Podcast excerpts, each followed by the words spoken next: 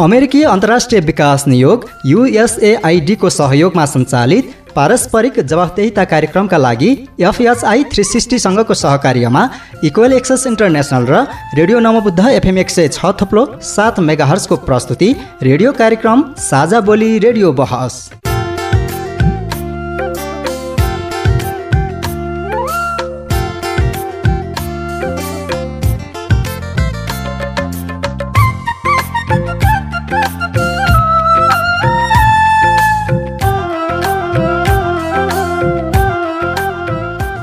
नमस्कार। साझा बोली रेडियो बहसमा तपाईँलाई स्वागत छ। म काजल तामाङ। साझा बोली रेडियो बहसमा हामी नागरिक समाज आम सञ्चार माध्यम र सार्वजनिक निकाय बीचको पारस्परिक जवाफदेहिता र आपसी दिगो सम्बन्धका विषयमा बहस गर्छौं।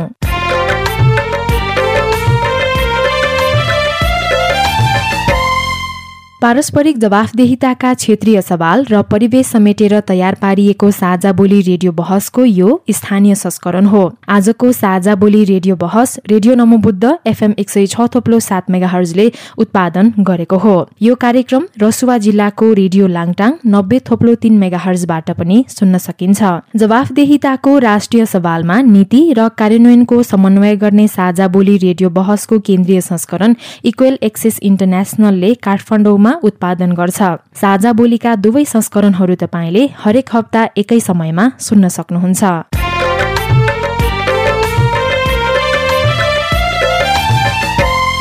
साझा बोली रेडियो बहसको यस सत्रको यो स्थानीय संस्करणको आज बिसौं भाग हो। झण्डै चार वर्ष अघिदेखि प्रसारण भइरहेको साझा बोली यस वर्षदेखि रेडियो बहसका रूपमा प्रसारण हुँदै आइरहेको छ। साझा बोली रेडियो बहसको आजको भागमा हामी उच्च शिक्षा अध्ययनका लागि विद्यार्थीले ख्याल गर्नुपर्ने कुराहरू के के हुन सक्छन् भन्ने विषयमा बहस गर्दैछौं।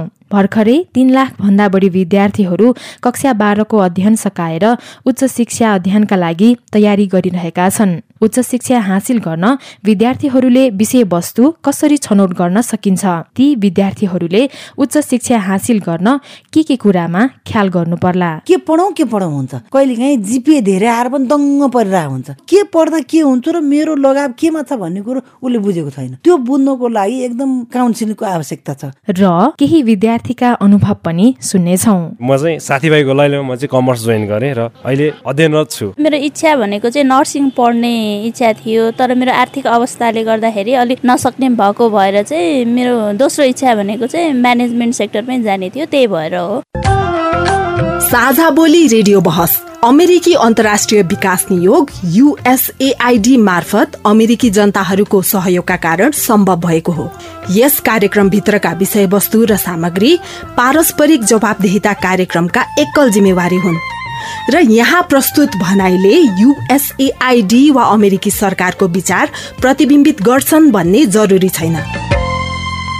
साझा बोली रेडियो बहसमा तपाईँलाई फेरि स्वागत छ। उच्च शिक्षा अध्ययनका लागि विद्यार्थीले ख्याल गर्नुपर्ने कुराहरू के के हुन सक्छन् भन्ने विषयमा बहस गर्नका लागि यतिखेर उपस्थित भइसक्नु भएको छ। सामुदायिक क्याम्पसको पहिलो महिला संस्थापक क्याम्पस प्रमुख प्राध्यापक डाक्टर अम्बु भवानी कार्की। यहाँलाई साझा बोली रेडियो बहसमा स्वागत छ। हजुर नमस्कार छ। म पब्लिक क्याम्पस सङ्घको वरिष्ठ उपाध्यक्ष तेजगङ्गा बहुमुखी क्याम्पसको संस्थापक क्याम्पस प्रमुख हुँ र त्रिभुवन विश्वविद्यालयमा प्राज्ञिक सदस्य पनि छु। यहाँले बोलाउनु भएकोमा धेरै धन्यवाद। डाक्टर अम्बु भवानीजी उच्च शिक्षा भनेको के हो? यसैबाट चाहिँ आजको हाम्रो छलफल सुरु गरौँ न। उच्च शिक्षा भनेको मानव विकासको विकसित खुड्किलो हो। जब उच्च शिक्षामा मान्छे पुग्छ हुन त ज्ञानको खानी जगाउन नसक्दाखेरि नसक्दासम्म उच्च शिक्षा असफल भनिन्छ।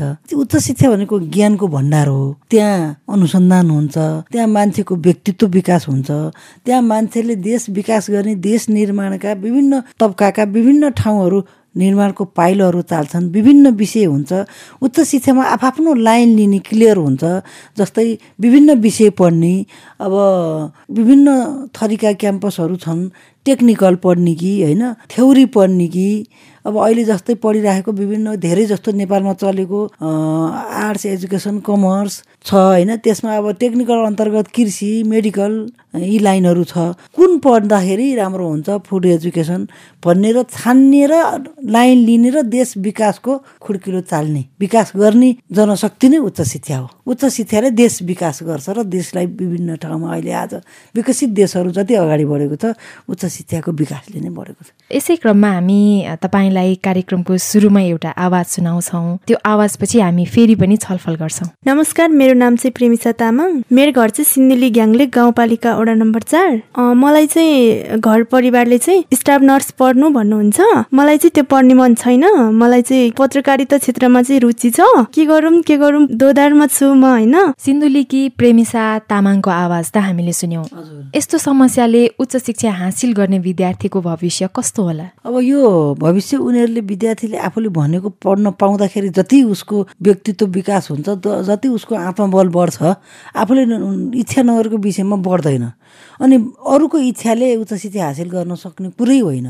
अब जब त्यो नानीले स्टाफ नर्स पढ्न मन छैन पत्रकारिता मन छ भन्नुभयो यो विश्वमा पत्रकारहरूको पनि त ठुलो योगदान छ। अहिले नेपालमै भन्यो भने कतिपय न्यायका कुराहरू न्यायका आवाजहरू उठाउन पत्रकारै चाहिएको छ। पत्रकारहरूले सही आवाजहरू उठाउन सक्नुहुन्छ सही गर्न सक्नुहुन्छ। उहाँलाई त्यसैमा प्रभाव पर्यो। अनि त्यो पनि एकदम जोखिम छ। जब अब अहिले स्टाफ नर्स पनि राम्रो समाजसेवा हो तर अहिले नेपालमा समाजसेवा पढ्दाखेरि अलिकति स्टाफ नर्सहरू धेरैले रोज्नुहुन्छ पत्रकार थोरैले रोज्नुहुन्छ। त्यस कारण जुन थोरै छ त्यसमा बढी महत्त्व हुन्छ। मलाई जहाँसम्म लाग्छ उहाँले इच्छा गरेको विषय उहाँको अभिभावकहरूले नरोकिकन त्यो पढ्न दिँदा धेरै राम्रो। स्टाफ नर्स भए अलिक कमाउन सकिन्छ भन्ने उहाँहरूको अभिभावकलाई लाग्छ। राम्रो मान्छेले जहाँ पनि जसरी नै कमाउन सक्छ पत्रकारिताले पनि आफ्नो इज्जत त कमाउन सक्छ सम्पूर्ण कम कमाउन सक्छ बाँच्नको लागि कमाउन सक्यो भने व्यक्तित्व विकास गर्न पुग्यो धेरै कमाउनु पनि किन पर्छ? अर्को कुरो आफ्नो ज्यान त धान्न सक्छ।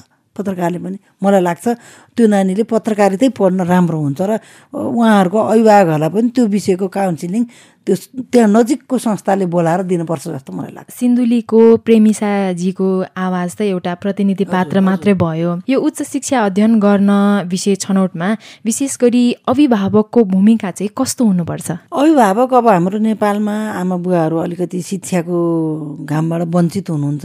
त्यति शिक्षित उच्च शिक्षा उहाँहरूले प्राप्त गरिसकेका हुनुहुन्न। हुन त अब हाम्रो थोरोले भनेको छ अशिक्षित रहनुभन्दा नजन्मिनुको भनेको छ। अब बिचराहरू उहाँ थाहा नै छैन। अरूको कुरा सुन्नुहुन्छ फलानु भयो कमाइन्छ विदेश गयो कमाइन्छ लाउरी भयो कमाइन्छ त्यो विभिन्न कुराहरू छ उहाँहरूको मनमा भने उहाँहरूलाई नै नम्बर एकमा अभिभावकहरूलाई काउन्सिलिङ दिने चाहिँ शैक्षिक संस्थाहरू चाहिन्छ हामीलाई। टिचरहरूले सकिन्छ घर दैलोमै गएर अभिभावकलाई नै काउन्सिलिङ गर्नुपर्ने हुन्छ। सकिँदैन क्याम्पस अथवा स्कुलमा उच्च शिक्षामा बोलाएर यसो छ कुरो तपाईँको बच्चाले यो चाहिँ गर्न सक्नुहुन्छ यो चाहिँ सक्नुहुन्न यसो गर्नुपर्छ उहाँलाई पनि अलिकति क्लास लिन सक्यो भने धेरै राम्रो हुन्छ। अनि उहाँलाई नलिँदाखेरि उहाँले भनेको विषय छोराछोरीले पढ्न पाउनुहुन्न। उहाँले चाहिँ फलानाको छोराछोरीले पढेर यतिका कमायो उतिका कमायो तिमीहरू चाहिँ कमाउने म फिस तिर्दिनु पनि सक्दिनँ भन्ने पनि हुनसक्छ। उहाँहरूको मनमा के हुनुपर्छ भने जसरी हामीले बिहान बेलुकाको खाना खान खाएन भने हामी बाँच्दैनौँ रोग लाग्छ पोषणयुक्त खानाहरू खानुपर्छ। त्यस्तै शिक्षा पनि खाएको हो। खाँदाखेरि उनलाई कुन कुरो पच्छ? कसैलाई चाहिँ नि अब हाम्रो नेपाली खानाअनुसार ढिँडो सागहरू पच्छ कसैलाई भुजा भात पच्छ भने कसैलाई चाउमिन पच्छ भने कसैलाई के पच्छ जस्तै पढाइमा पनि कसैलाई आर्ट्स पढ्न मन हुन्छ कसैलाई एजुकेसन पढ्न मन हुन्छ कसैलाई म्याथ पढ्न इङ्ग्लिस पढ्न कसैलाई डाक्टर पढ्न होइन कसैलाई नर्स पढ्न कसैलाई पत्रकारिता पढ्न कसैलाई ठुलो वैज्ञानिक बन्न कसैलाई चाहिँ नि अब अब एकदमै ठुलो साहित्यकार बन्न कसैलाई ठुलो नेता बन्न नेता पनि त पोलिटिकल साइन्स पढ्नुपर्छ। त्यस्तो विषयहरू रोजेर पढ्न विद्यार्थीहरूले पाउनुभयो भने देशमा पनि बेरोजगारीको मात्रै थुप्रो विकास हुँदैन। उहाँहरूको इच्छाको पढाइ भइसकेपछि उहाँले आफ्नो लाइन लिन सक्नुहुन्छ। त्यो खालको काउन्सिलिङ त्यो खालको सिकाइ अभिभावकलाई पनि आवश्यक छ। अनि अभिभावकले पनि बच्चाहरूलाई तिम्रो इच्छा अनुसारको पढ र विकास गर यसैबाट भनेर भन्न सक्नुहुन्छ। नत्र अरूको इच्छा अनुसार पढ्दा इच्छा नलागेको विषय पढ्दा बिचमै पढाइ टुङ्गिन्छ। उहाँहरू अगाडि बढ्न सक्नुहुन्न जस्तो मलाई लाग्छ। विशेष त अभिभावकको भूमिका पनि बलियो हुने भयो। साथै विद्यार्थी स्वयंले पनि अब विषयवस्तु छनौट गर्न सक्छन् त उनीहरू आफैले पनि? अब विद्यार्थीलाई पनि काउन्सिलिङको आवश्यकता पर्छ। के पढौँ के पढौँ हुन्छ? जस्तै एसीको पास भइसकेपछि कहिलेकाहीँ जिपिए धेरै आएर पनि दङ्ग परिरहेको हुन्छ। जस्तै अहिले त कोभिडको पास भन्ने कुरो आछ यति शिक्षा खस्क्यो कि नानी अब एघार बाह्र आउनेहरूले कख पनि जान्नुहुन्न जस्तो भइसकेको छ। त्यो भएको भएर उहाँलाई क्वालिटीयुक्त शिक्षा उहाँहरूले जान्न सक्ने शिक्षा कसरी दिने? यो बारेमा राज्यले पनि सोच्नुपर्छ। शिक्षा भनेको यस्तो होस् कि किताबको भारी बोक्दैमा शिक्षा होइन। किताब पढ्दैमा शिक्षा हुँदैन। त्यो बच्चाले जान्नु पर्यो त्यो विद्यार्थीले जान्नु पर्यो। अब एघार बाह्र पढ्ने भने त ऊ कतिको सक्षम छ? अब विकसित देशहरूमा त एघार बाह्र पढेपछि त पढ्नै पर्दैन उसले आफूलाई खान पुग्ने कमाउन सक्छ। रोजगारी हुन्छ अनि उसले इच्छा लागेको पढ्छ त्यस्तै यहाँ पनि उनीहरूलाई राम्रो पढ्ने क्वालिटीयुक्त शिक्षा भयो भने पास मात्रै पढाइ हो भन्ने भयो। जाँच्ने मापन पनि वर्षभरि पढाउने अनि एकचोटि जाँचेपछि पास फेलमा मात्रै मूल्याङ्कन भयो। विद्यार्थीले कति जानेको छ भनेर हेरिएन। उसको उसको पर्फर्मेन्स हेरिएन कि? विद्यार्थीको योग्यता कति छ त? उसले के गर्न सक्छ त? त्यो कापीमा तिन घन्टामा जति लेख्यो त्यही हेरेर पास फेलको कुरा भयो। त्यसले गर्दाखेरि पनि अलिकति शिक्षामा योग्यता खस्क्यो क्वालिटी खस्क्यो। अहिले क्वालिटी छैन। ब्याचलर पढेको विद्यार्थी पहिला अब हाम्रो पालामा जति विद्यार्थीहरू ट्यालेन्ट थिए अथवा विद्यार्थीहरू एकदम सक्ने पढ्नको लागि जे पनि गर्ने दुई घन्टा बाटो हिँडेर आउने पढ्ने जे गर्ने पढ्ने हुन्थ्यो नि अहिले त्यो छैन। अनि अब अहिलेको शिक्षाको मोरालिटी त्यो नै चेन्ज भइसक्यो जस्तै भनौँ अनलाइन शिक्षाको विकास भयो प्राविधिक शिक्षाहरूको विकास भयो त्यही अनुसार चल्नको लागि पनि विद्यार्थीलाई त वातावरण चाहिन्छ। अनि उसले म के पढ्दा के हुन्छु र मेरो लगाव केमा छ भन्ने कुरो उसले बुझेको छैन। त्यो बुझ्नको लागि एकदम काउन्सिलिङको आवश्यकता छ। मैले अघि मात्रै पनि एकजना सरले मलाई भन्नुभयो हाम्रो पालामा हामीलाई काउन्सिलिङ मात्रै भएको भने के हुन्थ्यो मैले जुन विषय पढेँ त्यो मेरो विषय होइन रहेछ भन्ने मैले पछि मात्रै बुझेँ भनेर भन्नुभयो। अनि म कहिलेकाहीँ बाटोमा हिँड्दाखेरि कहिलेकाहीँ स्कुलमा पढाउने टिचरहरूले भन्नुहुन्छ त्यो बेलामा मलाई नै एकजना विद्यार्थीले भन्नु तपाईँले पहिला मलाई एजुकेसन पढ भने मैले भने हो भने। हामीले भनेको विषय पनि विद्यार्थीहरूले पढ्नुहुन्न तिमीहरूको यो योग्यता छ है नानी यो पढ्दा यस्तो हुन्छ यो पढ्दा यस्तो हुन्छ। अब अहिले सबै लहर भनेको एउटै विषयमा भइदिन्छ। जुन विषय आवश्यक नहुन पनि सक्छ। किनभने अब गाउँमा हामी बसेका छौँ खेती किसान गरेका छौँ तर हामी पढ्न चाहन्छौँ बिजनेस। अनि हाम्रो खेती किसान गर्छौँ अनि बिजनेस कसरी हुन्छ? भन्दा त्यो कृषि कसरी गर्ने भन्ने पढ्न खोज्नु पऱ्यो नि। आफूलाई जुन चाहिन्छ त्यो ठाउँको जे लोकालिटी छ त्यही पढ्न सक्नुपर्छ र त्यही पढ्यो भने जति जानिन्छ भन्ने खालको उहाँलाई शिक्षा प्रेरणा काउन्सिलिङ कक्षाहरू लिनुपर्ने देखिएको छ अहिले। अनि फेरि कहिलेकाहीँ टिचरले भने भन्दा पनि आफू सरको साथीले भने मान्नुहुन्छ। अनि त्यस्तै खालको मान्छेहरू प्रयोग गर्ने हो कि? उहाँलाई अहिले जसरी हजुरले मलाई जुन भोइस सुनाउनु भयो नि एउटा विद्यार्थीको त्यस्तै त्यही उमेरको मान्छेले भन्दा उहाँले पत्याउनुहुन्छ कि बढी? अनि अरू मान्छेले भन्दाखेरि होइन होला जस्तो लाग्छ। अनि टिचरले भन्दाखेरि पनि उहाँ धेरै पढेर यसो भन्नुभयो होला जस्तो हुन्छ। अनि यो विषय यस्तो हुन्छ मैले यस्तो भोगेँ। भन्ने मान्छेहरू पनि चाहिन्छ। त्यस्तो खालको काउन्सिलिङ भयो भने उहाँले सही लान। नत्र भने एउटा विषय इच्छा भइरहेको हुन्छ योग्यता छ उदाहरणको लागि। एजुकेसनमा अङ्ग्रेजी पढ्ने अनि साथीहरू सबैले चाहिने म्याथ पढौँ भन्यो भने म्याथतिर गयो भने त्यो अङ्ग्रेजी पढ्ने योग्यता हुनेले म्याथ त सक्दैन। अनि साथीको लाइनमा लाएर उसले त्यही पढाएको हुन्छ अनि उसले बिचमै पढाइ छोड्छ ग्याप हुन्छ अनि उसको एक दुई वर्ष लस हुन्छ। अनि पछि उसलाई बुद्धि आउन जानमा ढिला भइसक्छ। त्यस्तो हुन्छ।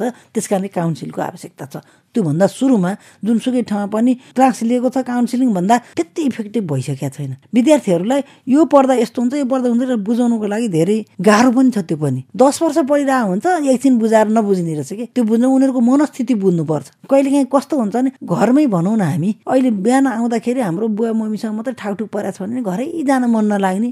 बुवा मम्मीले पनि ठाउटुक गरेको छ अलिकति भनामन भएको छ भने आज हाम्रो बुवा मम्मीले यस्तो गरे के घर जानु जस्तो हुन्छ नि। त्यो मनस्थिति त्यसरी बिग्रिन सक्छ पढाइमा पनि आ यस्तो छ के गर्ने? भने जस्तो हुनसक्छ मनको कुरा पनि मनलाई पनि सोध्नुपर्ने हुन्छ र मनोविज्ञान पनि बुझ्नुपर्ने हुन्छ पढ्दाखेरि।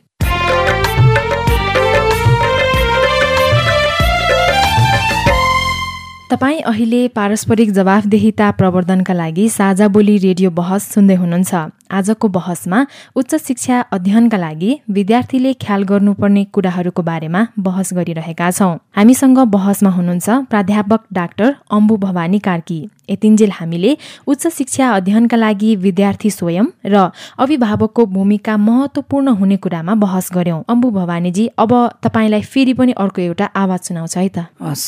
नमस्ते म चाहिँ सुजन राणा मगर म धुलीखेल तिन निवासी हुँ। र मैले चाहिँ उच्च शिक्षा भन्दा नि मेरो प्लस टू लेभल चाहिँ मैले म्यानेजमेन्ट एज कमर्स नै पढेँ र त्यो लगायत मैले ब्याचलर पढ्ने क्रममा चाहिँ म आफ्नो इच्छा भन्दा नि म चाहिँ मेरो साथीभाइको लै लैमा जुन चाहिँ साथीभाइले कमर्स कमर्स यसमा चाहिँ यस्तो राम्रो हुन्छ यो फिल्ड यो हो भनेर चाहिँ म म चाहिँ साथीभाइको लै लैमा म चाहिँ कमर्स जोइन गरेँ र अहिले अध्ययनरत छु। पढाइ ठिकै छ। अब तपाईँको यस्तो हो साथीभाइले भन्छ साथीभाइको कलेजमा आए हामी पनि जाने। नत्र अब त्यही त्यही त हो नि अहिलेको समय। अब साथीभाइ साथीभाइ नै रोज्या छ पढाइ भन्दा नि।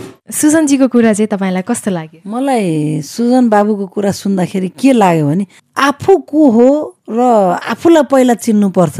म के गर्न सक्छु? मेरो योग्यता कति छ भनेर उहाँले नबुझिकन साथीको लय लयमा लाग्नुभयो। अब साथीको लय लयमा लाग्नु भनेको उहाँको आफ्नो योग्यतालाई गुमाउनु हो। एउटा। अर्को कुरो हामीले परापूर्व कालमा सती प्रथाको कुरा गर्छौँ नि। सती प्रथा भनेको श्रीमान मर्दा श्रीमतीलाई जिउँदै डढाउने हो। त्यो त हामीले विद्रोह गरेर त्यसलाई हटायौँ भने अहिले साथीको लय लयमा लागेर हिँड्नु भनेको सती जानु जस्तै हो। किनकि त्यहाँ आफ्नो विचार त गयो नि त। आफ्नो योग्यता त गयो नि। उहाँले साथीहरूकै लय लयमा हिँडिया छ भन्नुभन्दा त उहाँले आफ्नो लय के हो? उहाँको घरको एम के हो? बुवा आमाले के सोच्नु भएको छ? उहाँले के गरेर आफ्नो व्यक्तित्व विकास गर्नुपर्छ भन्ने कुरातिर ब्याचलर पढ्दाखेरि पनि त्यो ध्यान नदिएको कुरा सुन्नु भनेको अहिले हाम्रो मानव विकासमा कमजोर जस्तो लाग्यो। किन हाम्रो जीवन विज्ञान हुन्छ नि त? हाम्रो जीवन पनि एउटा विज्ञान हो नि त। हामी पनि एउटा नेचुरली जन्मेका मान्छेहरू हौ नि। हामीसँग एउटा आफ्नो बुद्धि ज्ञान विवेक र हामी सक्थो गर्न सक्छौँ। हामीले गर्न नसक्ने के पनि छैन। तर अरूको सहयोग खोज्दै हिँड्नु हाम्रो कमजोरी हुन्छ। म यो गर्न सक्छु भन्यो भने एउटा मान्छेले कति गरिरहेको हुन्छ। गर्न सक्दिनँ भन्दा भिडले पनि केही गर्दैन। त्यस कारणले उहाँले आफ्नो निर्णय अनुसार चल्नु पर्थ्यो। त्यो नचल्नु एउटा कमजोरी भयो। र अर्को उहाँले अलिकति जान्ने बुझ्नेसँग सल्लाह पनि लिन भएन। उहाँले कुनै काउन्सिलिङका कुराहरू पनि सुन्नु भएन। किनकि साथीहरूको हावा जता लाग्छ त्यतै जाँदाखेरि कहिलेकाहीँ हुरीले उडाइदिन्छ। अन्त उहाँलाई त्यो बिजनेस व्यापारी विषय अथवा ब्याङ्कमा जाने त्यो मात्रै उहाँको एम छ कि अरू पनि छ? उहाँको त्यो लाइन क्लियर गरेर उहाँ अगाडि बढ्नुपर्छ। उहाँले पढेको विषय नराम्रो म भन्दिनँ। त्यो पनि विषय राम्रो हो तर उहाँलाई त्यो विषय सुट गर्छ कि गर्दैन। त्यो कुरो हेर्नु पर्थ्यो। उहाँले त्यो हेर्नु भएन। घरमा त उहाँलाई काउन्सिलिङ गर्न सक्नु भएन होला उहाँको बुवा आमाले। किनभने उहाँ नै शिक्षित हुनुहुन्छ। उहाँले नै उल्टो मेरो पढेका छोराले मलाई के के सिकाउने होला भन्ने बुवा आमाले आश पनि गरेर नहुन सक्छ। अथवा उहाँको बुवा आमा पनि विद्वान हुन सक्नुहुन्छ। तैपनि त्यो उहाँले बुझेर सरसल्लाहमा हिँड्नु पर्थ्यो। त्यो चाहिँ लै लैमा हिँड्नु हुँदैन। त्यो म चाहिँ ठोकेरै भन्छु। उहाँ जस्तै अरू विद्यार्थीको लागि तपाईँको सल्लाह चाहिँ के छ? मेरो विद्यार्थीहरूको लागि सल्लाह के छ भने उमेरको आधारमा हामी कहिलेकाहीँ बहकाउमा लाग्छौँ। यो टिन एजर भनेको अरूको कुरा सुन्ने अथवा आफ्नो लय लयमा लाग्ने र हामी कुरै नबुझी दौडिने हुन्छौँ। त्यसमा हामीले त्यो उमेरमा अलिकति जान्ने बुझ्नेसँग सल्लाह लिनुपर्छ र आफूलाई पढाउने गुरुहरूसँग पनि सोध्नुपर्छ र गुरु पनि सबै सफल हुनुहुन्छ भन्न नसकिएला होइन। अब कहिलेकाहीँ कस्तो हुन्छ भने आफ्नो दिलमा बसेको यो गुरुले चाहिँ मलाई राम्रो शिक्षा दिन सक्नुहुन्छ यसले मलाई राम्रो बेट उहाँले बाटो देखाउन सक्नुहुन्छ उहाँ चाहिँ साँच्चीकै विद्वान हुनुहुन्छ भन्ने आफूलाई लाग्यो भने उहाँसँग सल्लाह गर्नुपर्ने हुन्छ। र अर्को कुरो आफूलाई विश्वास लाग्ने मान्छेहरूसँग सोध्नुपर्छ। र कुन विषय पढ्दा के हुन्छ भन्ने कुरो अहिले त नेटको जमाना छ। नेटमा हेर्न सकिन्छ युट्युबमा हेर्न सकिन्छ जेमा हेरेर पनि हामीले आफूलाई विकास गरेर म कुन विषय पढ्न म सक्छु मेरो योग्यता कति छ भनेर आफूले पनि जोख्नु पर्यो र म यतिसम्म गर्न सक्छु भने पहिला आफ्नो आत्मालाई सोध्नु पर्यो। अब उदाहरणको लागि उहाँले प्लस टू गर्नुभएको छ अथवा ब्याचलर गर्नुभएको छ एसी गर्नुभएको छ भने उहाँको जिपिए आयो भनेर उहाँ फुर्किनु भन्दा पनि कहिलेकाहीँ के हुन्छ भने आफैले लेखेको कुरा पनि त्यो जानेर नलेखेको हुनसक्छ।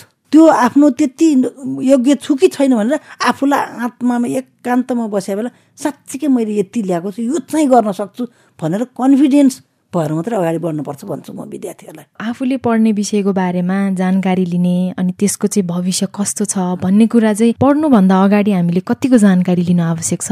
विद्यार्थीले यो लिन आवश्यक छ। यो विषय भने मेरो लाइन यो हो। मेरो उद्देश्य यो हो मेरो एम यो हो भनेर लिने हो। जस्तै कसैलाई साहित्यकारै बन्न मन छ भने त्यतै विषय ताक्नुपर्ने हुन्छ। कसैलाई ठुलो व्यापारी बिजनेसम्यान बन्नुपर्छ भने त्यही विषय ताक्न मन हुन्छ। कसैलाई म बिरामीलाई सेवा गर्छु स्वास्थ्य सम्बन्धी गर्छु भने त्यही मेडिकल विषय नै लिनुपर्ने हुन्छ। अनि कसैलाई चाहिँ नि म अब राजनीति पनि गर्छु भन्ने लाग्छ भने त्यही विषय लिन पर्ने हुन्छ। किन सबै कुराको विषयहरू छन्। त्यो विषयलाई आफूलाई सोधेर आफ्नो आत्मालाई सोधेर म यो चाहिँ बन्छु भन्ने एउटा हुन्छ अनि अर्को अरू साइडबाट सुझाव सल्लाह काउन्सिलिङ हुन्छ। यति कुरा गरेर अगाडि बढ्नुपर्छ र अनि आफ्नो हैसियत कस्तो छ? आर्थिक अवस्था कस्तो छ? त्यो पनि कहिलेकाहीँ हेर्न जरुरी हुन्छ र आफू जेहेन्दार छु भने म यति छात्रवृत्ति पाएर पनि पढ्छु। के पनि चाहिँदैन मलाई भन्ने पनि हुनुपर्छ। जस्तो लाग्छ मलाई। पछिल्लो समय चाहिँ उच्च शिक्षाका लागि धेरै विद्यार्थीहरू चाहिँ विदेश जाने पनि गर्छन्। यो कुराले चाहिँ नेपालको शिक्षाप्रति जनविश्वास घटेको हो त? अब घटेको त होइन। आफ्नो देशको शिक्षाप्रति अविश्वास भएको यो बेरोजगारीको कारण पनि हो। कहिलेकाहीँ के लाग्छ भने विश्वविद्यालयहरू कतै बेरोजगारीको थुप्रो उत्पादन गर्ने संस्था त होइन भने जस्तो हामीलाई पनि एकान्तमा बस्यो भने त्यो लाग्न थालेको छ। किनकि हाम्रा विद्यार्थीहरूले भने जस्तो कामहरू नपाएर ने नेपालको अब सा के चित्त बुझ्दैन विदेशमा गएर आलु छोडाउने कुखुराको फुलहरू छोडाउने त्यस्तो काममा पनि उहाँहरू लगाव छ। आफ्नो नेपालमा खेती किसान आफ्नै खेतबारीमा खनजोत गर्न पनि लगाव छैन। त्यो पनि एउटा कमजोरी हो। त्यसमा कसरी हौसला दिन सकेन त्यो राज्यले हौसला दिनुपर्छ। हो। र पनि त्यहाँनिर चाहिँ हाम्रो के कमजोरी छ भने आफ्नै ठाउँमा चाहिँ विश्वासै नलाग्ने अविश्वासै नलाग्ने। एक किसिमको त्यो माहौलै त्यस्तो आइदियो। कुनै बुढाबुढी बाबामा बसेको छ भने मेरो फलानु छोरो यता फलानु छोरा अस्ट्रेलिया फलानु छोरा अमेरिका भन्दा दङ्ग। अनि त्यो नहुनेलाई मेरो बच्चा पनि कसरी गइन्छ? अनि यो चाहिँ फलानुले यहाँबाट ल्याइदिएको त्यहाँबाट ल्याइदिएको भन्दा त्यो प्रभाव त्यो हुइमले गर्दाखेरि एउटा हावा नै नराम्रो भइदियो। अनि विदेशमा जाँदा कति दुःख पाइन्छ? सधैँ लास आएको त्यो याद भएन। अनि अर्को शैक्षिक संस्थाहरूमा चाहिँ नेपालमा अलिकति राजनीतिकरण भएर पनि गाह्रो पर्यो। पढाइको समयमा रिजल्ट नहुने समयमा जाँच नहुने पहिला पहिला त्यस्तो हुँदाखेरि पनि यहाँको पढाइ चाहिँ छिटो भएन पढाइमा क्वालिटी भएन भन्ने हिसाबले मान्छेहरू बाहिर जान थालेको हो। अनि बाहिर जाँदाखेरि पढ्दै कमाउँदै गरेर पढाउन सकिन्छ यहाँ हामीसँग पैसा उ छैन भने बाहिर पठाउनलाई त्यही अभिभावकले चालिस पचास लाख पनि खर्च गर्ने आफ्नै देशमा एक लाख दुई लाख पनि खर्च नगर्ने। हुन त विदेशीहरू पनि नेपालमा पढ्न आएको छ नआएको होइन। तर पनि आफ्नो जे फुले हिमालमा के फुले अन्त भन्ने यस्तो राम्रो देश छ कसरी यो यस्तो भयो हामीले चाहिँ आफ्नै देशमा बसे पनि गर्न सकिन्छ यहीँ बस्नेहरूले त गरिराखेको छ त। जस्तै विदेश भनेको नजाने मान्छेहरूले कृषिबाट पनि मासिकै दुई लाख तिन लाख त कमाइराखेको छ। यहीँ पनि काम गऱ्यो भने हुन्छ। यो खालको हुइम ल्याउनलाई चाहिँ अलिकति राज्यले पनि पहल गर्नुपर्छ राज्यले पनि हौसला दिनुपर्छ। यो हुइम आएन अनि शिक्षा सम्बन्धी पनि त्यो ठाउँ अनुसारको शिक्षा जस्तै म पनौतीमा तेजगाउँ बहुमुखी क्याम्पसको क्याम्पस प्रमुख। त्यहाँ अब आलु खेती हुन्छ धान खेती हुन्छ त्यो भएको उत्पादनलाई कसरी प्रयोग गर्ने भन्ने उद्योग कल कारखाना खोल्ने खालको शिक्षा तीबाटै चाहिँ कमाइ हुने खालको शिक्षा अनि त्यसैमा चाहिने लगाव त्यसै बारेमा अनुसन्धान त्यसै बारेमा गर्न सक्यो भने धेरै अगाडि बढ्छ। त्यो गर्नको लागि विद्यार्थीलाई लगाव लाउनलाई कस्तो खालको प्रचार प्रसार चाहिन्छ भन्ने पनि छिट्टै अध्ययन गर्न जरुरी भइसकेको छ। किनकि अहिले देशभित्र बसेर पढ्ने लगाव अहिलेको यो युवा पिँढीलाई मनै छैन। दुई दिन भयो नि बाहिर जान्छु भन्ने भावना छ। यो फेर्नको लागि हामी शैक्षिक जगतका सम्पूर्ण मान्छेहरू लागेर यसलाई चाहिँ किन यस्तो भयो भनेर अनुसन्धान गरेर यसलाई खोजी गरेर अनि यसको पिक पोइन्ट यसको ठाउँमा पुगेर अगाडि बढ्यो भने सफल हुन्छ त्यो जरुरी भइसकेको छ। मेरो एनालाइसिसमा चाहिँ।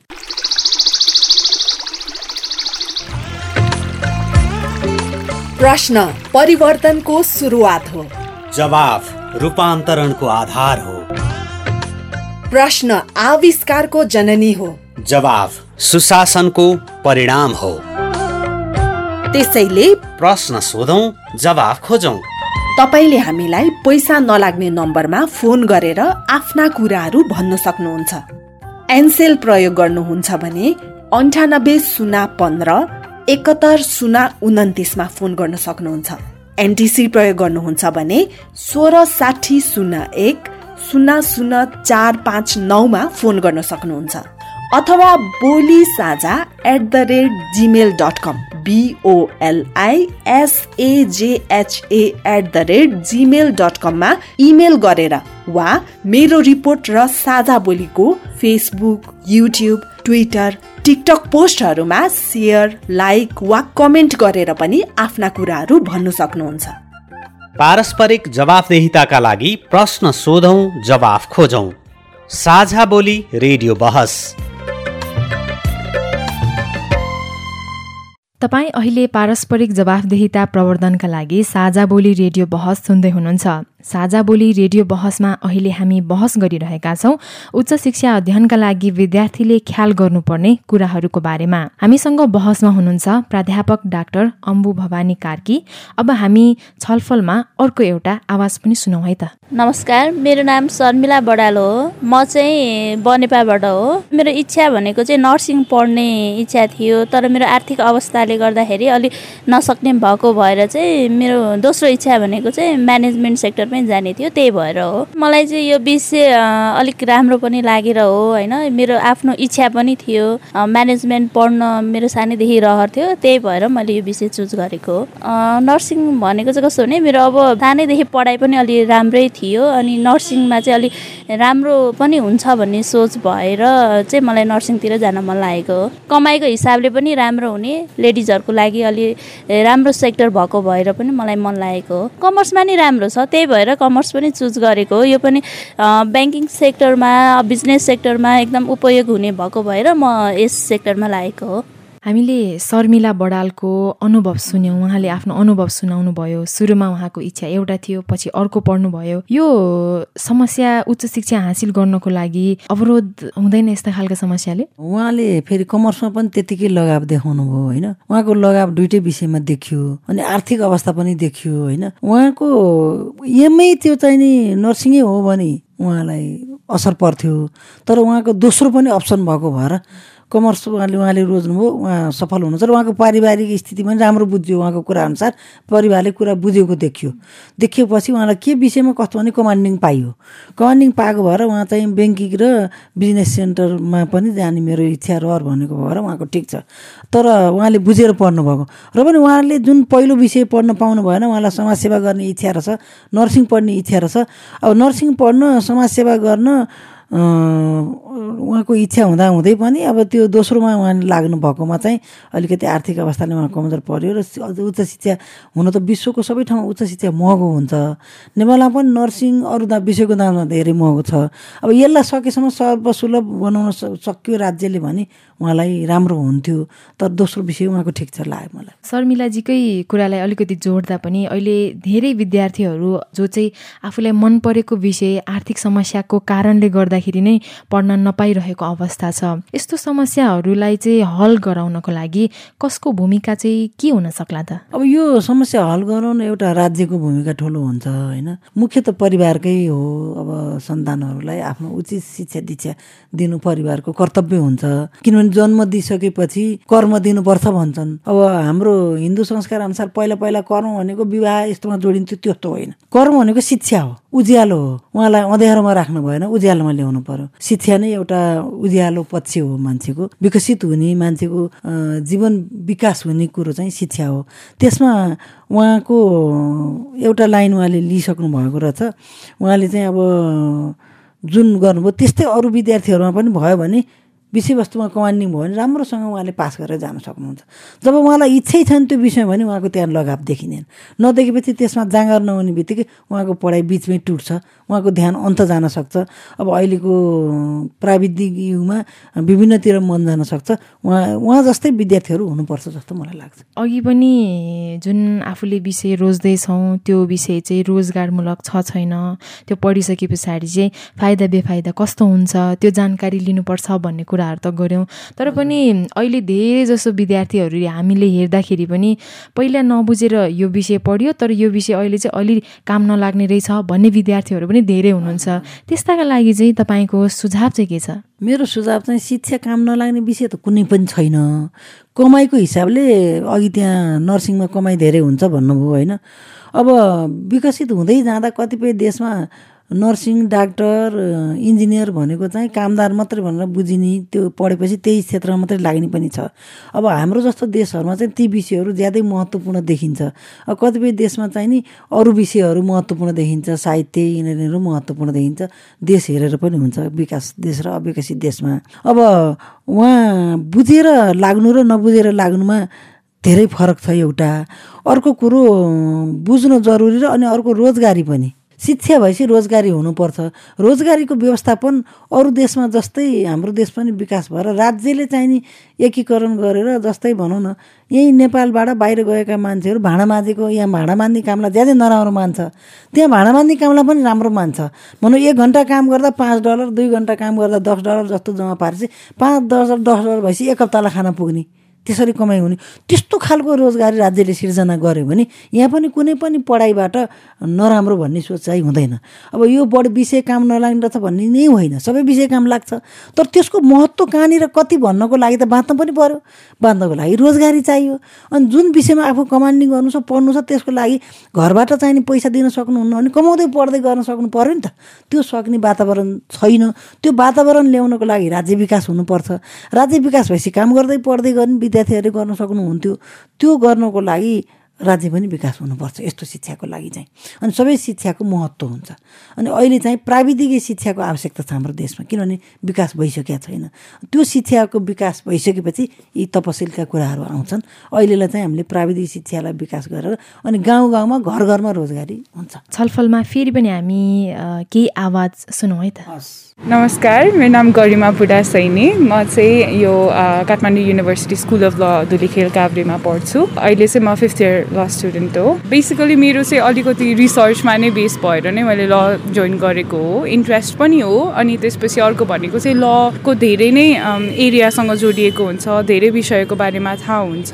हामीले संविधानदेखि लिएर हामीले कुनै एउटा कम्पनी कसरी चल्छदेखि लिएर कम्पनीलाई कस्तो खालको लले गभर्न गर्छ भनेदेखि लिएर हामीले वातावरण सम्बन्धीदेखि लिएर सबै सबै विषय समाजको जति पनि विषयहरू हुन्छ त्यसलाई छोएको हुन्छ अनि यस्तो खालको एरियाले त आफूलाई नै नलेजेबल पार्छ नि त त्यही भएर यसको स्कोप ठुलो धेरै भएको भएर चाहिँ मलाई प्रोफेसनली पनि पछि मैले धेरै एरिया हुन्छ मैले चुज गर्न भन्ने पाराले चाहिँ यस्तो बिचमा भएर चाहिँ मैले सब्जेक्ट चुज गरेको हो। प्लस टू पछि अब धेरै वेज हुन्छ ल जोइन गर्ने पनि कसैले ब्याचलर्स पछि जोइन गर्न पनि सक्नुहुन्छ कसैले चाहिँ कुनै सब्जेक्टमा ब्याचलर्स गरेर तिन वर्ष पनि गर्न सक्नुहुन्छ कसैले टेन पछि नै प्लस टूमा ल पनि जोइन गर्न सक्नुहुन्छ भने कसैले अब प्लस टू कुनै पनि स्ट्रिममा लिएर पाँच वर्षीय ल पनि पढ्न सक्नुहुन्छ। नेपालमा धेरै कलेजेसहरू छ जसलाई चाहिँ अलिकति इन्ट्रेस्ट छ यो विषयमा अनि त्यसपछि जसलाई चाहिँ धेरै एरियाहरू छ अथवा सबैजनाको आफ्नो बेग्ला बेग्लै इन्ट्रेस्टहरू हुनसक्छ तर जसलाई चाहिँ ओके भन्ने छ ट्राई गर्छु भन्ने छ भने चाहिँ हजुरहरूले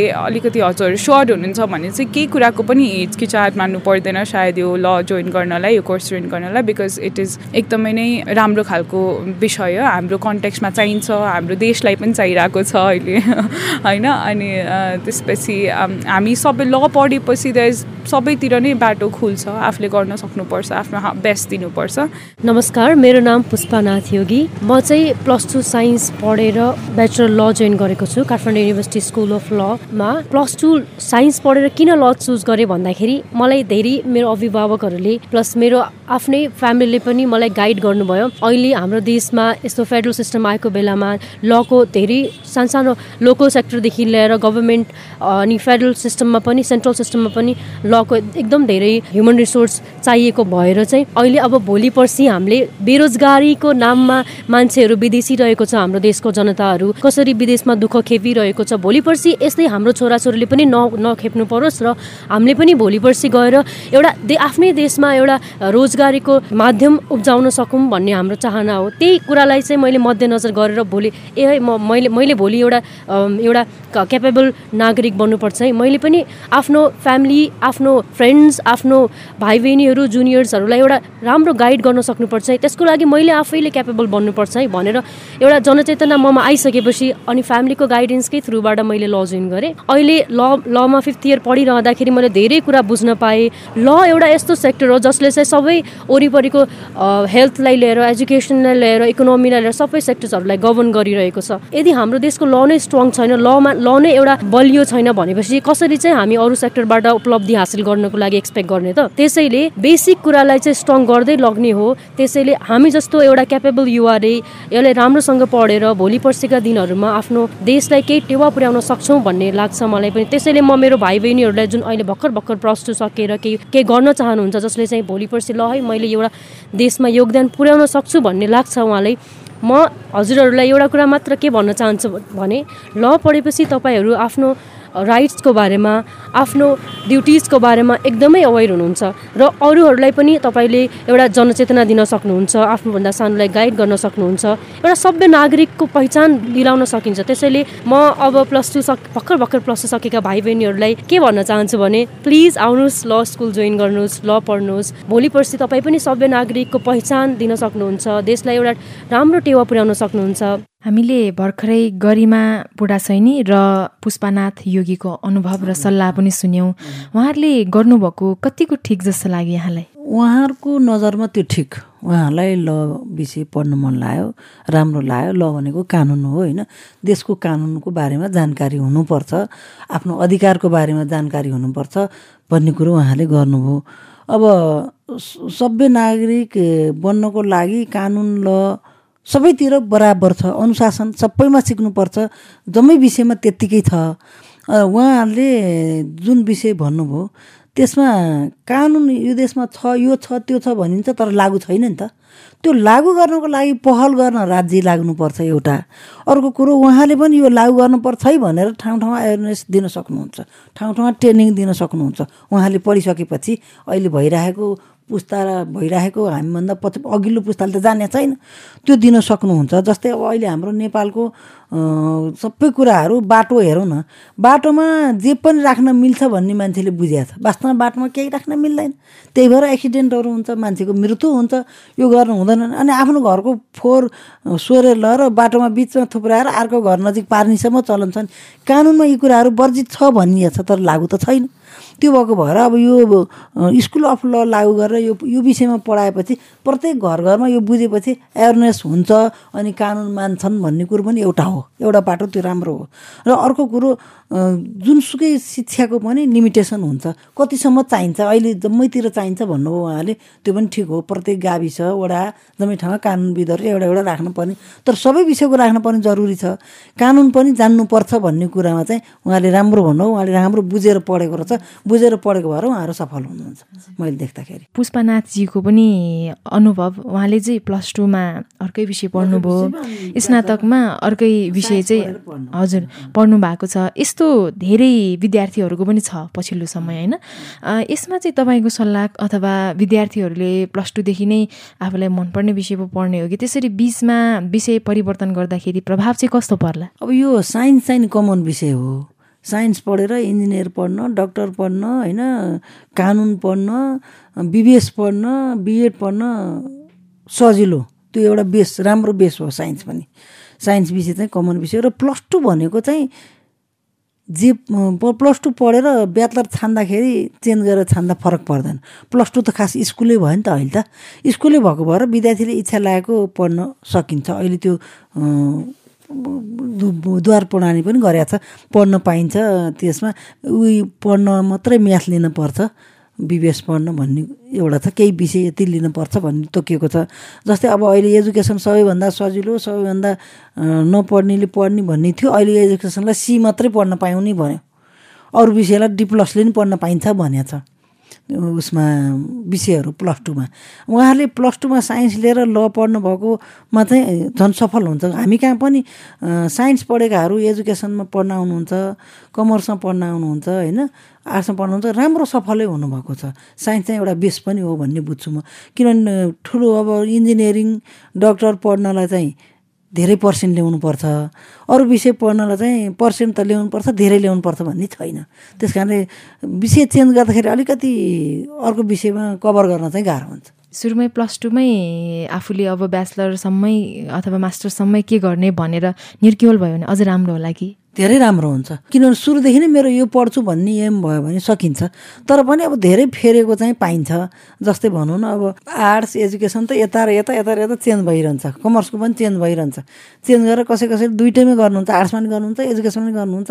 कसैले तिनटैमै गर्नुहुन्छ होइन? तर एउटै विषय सिङ्गल स्किम भएर गयो भने चाहिँ त्यो विषयमा कमान्डिङ हुन्छ। एकदम राम्रो हुन्छ। सकेसम्म चेन्ज गर्नु राम्रो होइन। अब चाहिँ हामी छलफलको अन्तिम अन्तिमतिर पनि छौँ अम्बु भवानीजी। अब धमाधम स्नातकको पहिलो वर्ष चाहिँ खुलिरहेको अवस्था छ। अहिले स्नातक पहिलो वर्ष पढ्न सुरु गर्न लाग्नु भएकाहरूको लागि चाहिँ यहाँहरूको सल्लाह के छ?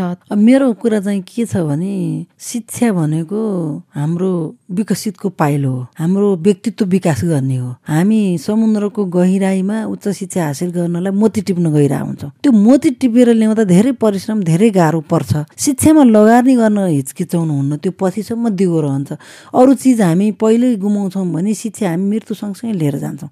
त्यो हाम्रो त्यति प्यावा हो। अनि त्यसको लागि म साँच्चीकै दुःख गरेर भयो भने लगानी गरेर पढ्छु भन्ने एउटा भावना जाग्नुपर्छ। अर्को साँच्चीकै नहुने ज्यादै ऊ हुने जेनदार पढ्न असाध्यै इच्छा छ भने त्यस्ताहरूलाई संस्थाहरूले पनि केही छात्रवृत्तिहरू जेनदार छात्रवृत्ति हरेक राखेर अगाडि बढेको हुन्छ। त्यसरी जानुपर्छ र सकेसम्म उच्च शिक्षा हासिल गर्नु ठुलो राम्रो हो आफ्नो व्यक्तिगत विकास हो र उहाँले शैक्षिक संस्थाहरूमा आउँदा म यो विषय पढ्छु यो विषयमा म कमान्डिङ लिन्छु यो विषय पढ्दा म भविष्य बनाउँछु यति जाहिर खान्छु यस्तो एम लिएर आउनुभएको हुन्छ। बिचैमा छोड्नु भएन। अहिले हाम्रो नेपालको क्याम्पसहरूमा चाहिँ बढी ड्रप आउट छोड्ने भर्ना हुने छोड्ने। अनि कतिपय छोरी मान्छे र छोरा मान्छेमा पनि फरक छ। छोरी मान्छेहरूको कहिलेकाहीँ के पनि देखिन्छ भने विवाह गर्नलाई छोरा मान्छेलाई पनि छोरी मान्छेलाई विवाह गर्नलाई ब्याचलर पढेको डिग्री पढेको भन्नको लागि पनि पढाइ भएको म पाउँछु। अनि त्यसले गर्दाखेरि पनि पढाइ बिचमै टुङ्गिन्छ कि? अनि भइहाल्यो अब पढ्न छोड्यो भने किन पढ्नु पऱ्यो र भनेको विद्यार्थीहरूबाटै पनि म सुन्छु। किनकि सुरुमा पहिलो वर्षमा सय दुई सयजना विद्यार्थी भर्ना भएको हुन्छ भने चौथो वर्षमा पुग्दाखेरि त त्यो विषय सय दुई सयमा असी नब्बे मात्रै बाँकी। दुई तिन सय कहाँ हराउनुहुन्छ? अनि त्यसले गर्दाखेरि पनि हुन त अब यो उच्च शिक्षा महँगो हुन्छ जुनसुकै देशमा पनि उच्च शिक्षा थोरैले पढ्छन् भनिन्छ। हाम्रो देशमा सबैले पढ्ने चलन छ। होइन अब हामीले पनि क्याम्पस स्थापना गर्दा एक घर एक स्नातक भनेर शिक्षा भनेको एउटा विकासको अर्को रूप हो। कुनै पनि देश विकास भएको छ कि छैन भनेर हेर्दा शिक्षा नै हेर्नुपर्छ। शिक्षा विकास भएको छ भने देश विकास हुन्छ। अब त्यस्तै मान्छेको व्यक्तित्व विकास पनि शिक्षामा भर पर्छ। पढेको व्यक्ति र नपढेको व्यक्ति फरक हुनुपर्छ हुन्छ पनि। किनकि पढेपछि आफ्नो जीवनमा पनि लागु गर्नुपर्छ। लागु गर्नको लागि पढ्ने हो अरूको लागि पढ्ने होइन। आफ्नो लागि पढ्ने हो आफ्नो व्यक्तित्व विकास गर्ने हो र कसरी हुन्छ म पढ्छु जे गर्न पढ्छु भन्ने भावनाले उच्च शिक्षा हासिल गर्नुपर्छ। जसरी पनि पढेर अगाडि बढ्नुपर्छ भन्ने म सन्देश दिन चाहन्छु र उच्च शिक्षा मैले अघि नै भने हामी समुद्रभित्र मोती टिप्न जाँदैछौँ भनेर। मोतीको माला मात्रै लाउँदाखेरि त मान्छे राम्रो देखिन्छ भन्छन् भने त्यो मोती नै टिपेर हातमा ल्याउनु भनेको शिक्षाको सर्टिफिकेट हातमा लिनु भनेको त्यो मान्छे नै मोती जस्तो झल्किने हुन्छ कि? त्यस कारण शिक्षा एकदमै आवश्यक छ जसले त्यो भइसकेपछि हामी बुद्धि विवेक गुमाउँदैनौँ। अब हामीले भन्छौँ कतिपय कुराहरू विवादहरू समाजमा आउने विभिन्न जातिपातीको कुरा हुन् अशिक्षाले हो। किन अगरेश्वरले भन्नुभएको छ नि तिमी बिल्कुल मान्छे बन बाहुन छेत्री वैश्य सूत्रको खोल नभिर भनेको त्यो खोलबाट उत्रिने ठाउँ एउटा शिक्षा पनि हो। अब अहिले हाम्रो देशमा यो वर्ग त्यो वर्ग त्यो के पनि वर्ग छैन। वर्ग भने दुई पनि म भन्दिनँ। महिला र पुरुष पनि सृष्टिका लागि मात्र हो तर जाति भनेको मान्छे हो। मान्छे र जनावर। हामी केही बन्ने होइन बिल्कुल मान्छे बन्नको लागि शिक्षा आवश्यक छ। त्यसमा उच्च शिक्षा झन् आवश्यक छ। उच्च शिक्षाबाट वञ्चित हुनु हुँदैन सकेसम्म उच्च शिक्षामा सहभागी भएर आफ्नो सफलताको बिन्दुमा पुग्नुपर्छ भन्ने म विद्यार्थीहरूलाई सन्देश दिन चाहन्छु। अब विभिन्न कारणले गर्दाखेरि विकृत मनस्थिति बनिदिन्छ धेरै बच्चाहरूको मनस्थिति बच्चैदेखि बिग्रिया हुन्छ डिप्रेसनमा गएको हुन्छ। बढी डिप्रेसनमा गएको पाइन्छ। अझै पनि अनुसन्धानहरूले के देखाएको छ भने अहिले नेपालमा धेरै डिप्रेसनमा छन्। राजनीतिमा पनि डिप्रेसन अनि स्कुल क्याम्पसमा पनि डिप्रेसन। पढेर के हुन्छ र? पढेर ठुलो को भएको छ र? भन्ने मानसिकता विद्यार्थीहरूमा सुनिने यो सबै कारणहरू चाहिँ उहाँहरूको त्यो मनस्थिति बिग्रेको छ। त्यो मनोविज्ञान सम्बन्धी उहाँहरूलाई ज्ञान भएको छैन। किनभने हामीले पढाउँदाखेरि चेतन मन अचेतन मन अनि इद इगो सुपर इगो भनेर अङ्ग्रेजीमा भन्छौँ नि अर्धचेतन अचेतन यी विभिन्न अवस्थामा गरेको कमी कमजोरीले पोलिरहेको हुन्छ कि। अनि त्यो सुधार गर्नको लागि उहाँहरूलाई मनोविज्ञान सम्बन्धी पनि ज्ञान हुनुपर्ने जरुरी देखिया छ। शिक्षाको पाटो अहिले शिक्षामा धेरै परिवर्तन त आएको छ।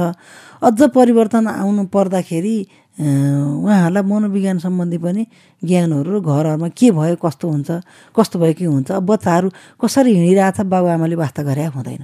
अनि टिनेजर पार गरेर उच्च शिक्षा पढ्न आउने बच्चाहरूलाई पनि उहाँहरूको मनस्थिति बिग्रिरहेको हुनसक्छ। त्यो बेला उहाँलाई ध्यान दिएर वाच गरिदिने मान्छे बन् हुँदैन। त्यो नहुँदा अब त ठुलो भइसकेको छ। हामीलाई के मतलब भन्ने हुन्छ अभिभावकलाई पनि? त्यो हुँदा हुँदै उहाँहरू डिप्रेसनमा जाने कुलतमा फसिने अनि गलत साथीहरूसँग सङ्गत गर्ने हुनसक्छ। त्यस्तो याद गर्ने खालको काउन्सिलिङहरू आवश्यक पर्छ र अनि विभिन्न बेन्चहरू हुनुपर्छ। स्कुल क्याम्पसहरूले पनि उहाँहरूको मनोविज्ञान सम्बन्धी पनि कोच गर्नुपर्ने हुन्छ। अनि घर परिवारहरूलाई पनि यो बारेमा सचेत हुने खालको शिक्षाहरू र विद्यार्थीलाई यही बारेमा चेतना गराउन सक्यो भने उहाँहरूको मनस्थिति नबिग्रेला। अब कतिपय युवा अवस्थामा पुगिरहेको हुन्छ मन परेको चिजहरू आवश्यक परिरहेको हुन्छ। त्यो पाइएन भने त म यसो गरिदिन्छु फलाना मारिदिन्छु ढिस्कुला मान्छु भन्ने उमेर हुन्छ। त्यस्तो बेला ए भनेर उसलाई सचेत गर्ने मान्छेहरूको आवश्यकता पर्छ काउन्सिलिङ गर्नेको त्यस्तो कुरामा ध्यान दिनुपर्छ।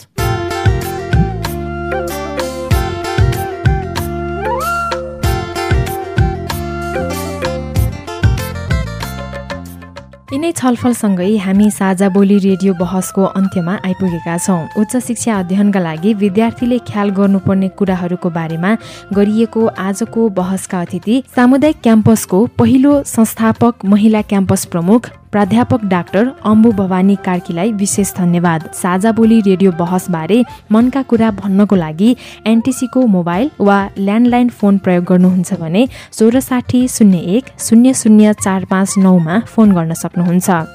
एनसेल प्रयोग गर्नुहुन्छ भने अन्ठानब्बे शून्य पन्ध्र एकात्तर शून्य उनातिसमा फोन गर्नुहोला। यी नम्बरहरूमा फोन गरेको पैसा लाग्दैन र प्राप्त निर्देशन अनुसार प्रश्न सोध्न सकिन्छ। पारस्परिक जवाफदेहिता बारे आफूले देखे सुने या भोगेका कुनै कुरा लेख मार्फत व्यक्त गर्न चाहनुहुन्छ वा अरूका लेखहरू पढ्न चाहनुहुन्छ भने W W W dot M E R O R E P O R T dot नेटमा पनि लगइन गर्न सक्नुहुन्छ। साझा बोली रेडियो बहस तपाईँले मेरो रिपोर्ट वेबसाइट पोडकास्ट च्यानल र सामाजिक सञ्जालहरूमा पनि सुन्न सक्नुहुन्छ। यतिन्जेल ध्यान दिएर कार्यक्रम सुन्नु भएकोमा तपाईँलाई धन्यवाद। आगामी हप्ता पनि आजको जस्तै समयमा सार्वजनिक जवाफदेहिताको अर्को विषयमा छलफल लिएर आउनेछौ सुन्न नबिर्सिनुहोला। आजको कार्यक्रमबाट म काजल तामाङ विदा भए। नमस्कार।